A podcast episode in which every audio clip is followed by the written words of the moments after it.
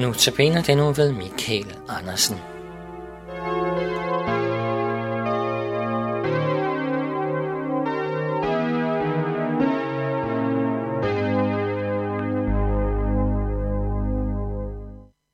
Vi starter dagens andagt i dag med at læse fra 2. Samuels bog, kapitel 12, og vi læser bare vers 13, hvor der står.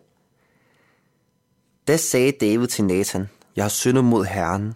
Nathan svarede David, så tilgiver Herren din synd. Du skal ikke dø.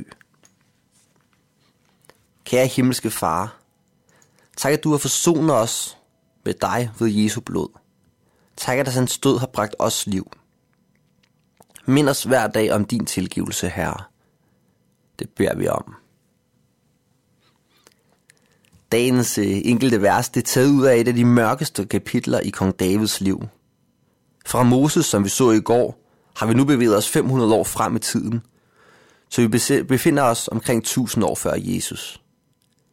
Israel er blevet et kongedømme, og landets anden konge, David, har regeret i noget tid.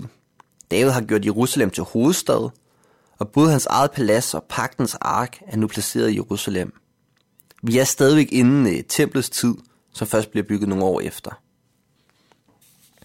Forud for øh, det vers, jeg læste til at starte med, der bliver det beskrevet, hvordan David han er blevet betaget af en kvinde, der hedder Bathsheba, øh, som var gift med en soldat, der hed Urias.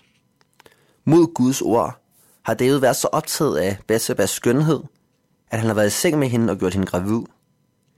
David han vil skjule det, fordi han ved, det ikke er godt, og derfor kalder han Urias hjem fra kampen, i håb om, at han vil gå i seng med hans kone. Men Urias, han ligger sig ude foran borgen sammen med andre soldater, for han vil ikke gå hjem til hans kone, mens hans egen herrenhed er i kamp. Heller ikke selvom David på flere måder prøver at få ham til det. Derfor ender det med, at David får slået Urias ihjel i kampen, hvorefter han gifter sig med Bathsheba, så han kan skjule, at han har gjort hende gravid, mens hun havde en anden mand. Efterfølgende sender Gud profeten Nathan, som vi hørte om i teksten, til David, der fortæller en historie. En rig og en fattig mand boede i den samme by. Den rige mand han har masservis af får og kør, mens den fattige kun har et enkelt lille lam, som han virkelig elsker. En dag der får den rige mand besøg, og så nænder han ikke at tage hans egen dyr. Så han tager den fattige mands får og tilbereder det til hans gæst. Den her lignelse gør kong David sur og vred, og han siger, at den rige mand fortjener at dø. Først på det her tidspunkt afslører Nathan, at det er David, der er den rige mand, og at Gud vil straffe ham for det, han har gjort mod Bathsheba og Urias. Her kommer de her vers, som vi læste. David han erkender over for Gud, at han har syndet, og Guds svar det er tilgivelse. Noget af det mest centrale i kristendom, det er, at Gud han tilgiver synd, hvis vi erkender den for ham. Selvom David havde erkendt sin skyld, slipper han dog ikke for straf.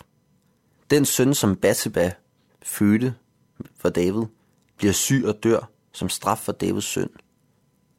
Det tror jeg skal mindre som noget vigtigt.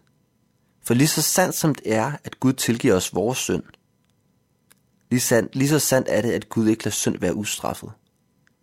Hele Bibelen peger på, at Guds egen søn, Jesus, må dø, fordi vi har syndet. På den måde bliver Davids synd og hans søns død et øh, billede på Jesus død på korset for vores skyld og vores synd. Her er det min synd og Jesus død, det handler om. Gud tog dit og mit gældsbevis og fjernede det fra os ved at navle det fast til korset på Golgata, lidt uden for Jerusalem for 2000 år siden. Han lagde vores straf over på Jesus, for at vi ikke skulle dø. Det her, det er essensen af kristendom. For hvad var der sket, hvis David ikke havde kendt sin synd og taget imod Guds tilgivelse? Jo, så var han blevet straffet for sin synd foran hele folket, står der. Det er ikke alle, der ligesom David har taget en andens ægtefælde og haft samleje med. Men vi har alle syndet mod Gud, og derfor har vi alle brug for tilgivelse af Gud, og for at kende vores synd over for Gud. Jeg vil i dag gerne komme med en konkret opfordring til dig. Tænk, hvad du har gjort mod Guds ord inden for det sidste døgn. Og nævn så de konkrete ting, du kommer i tanke om for Gud.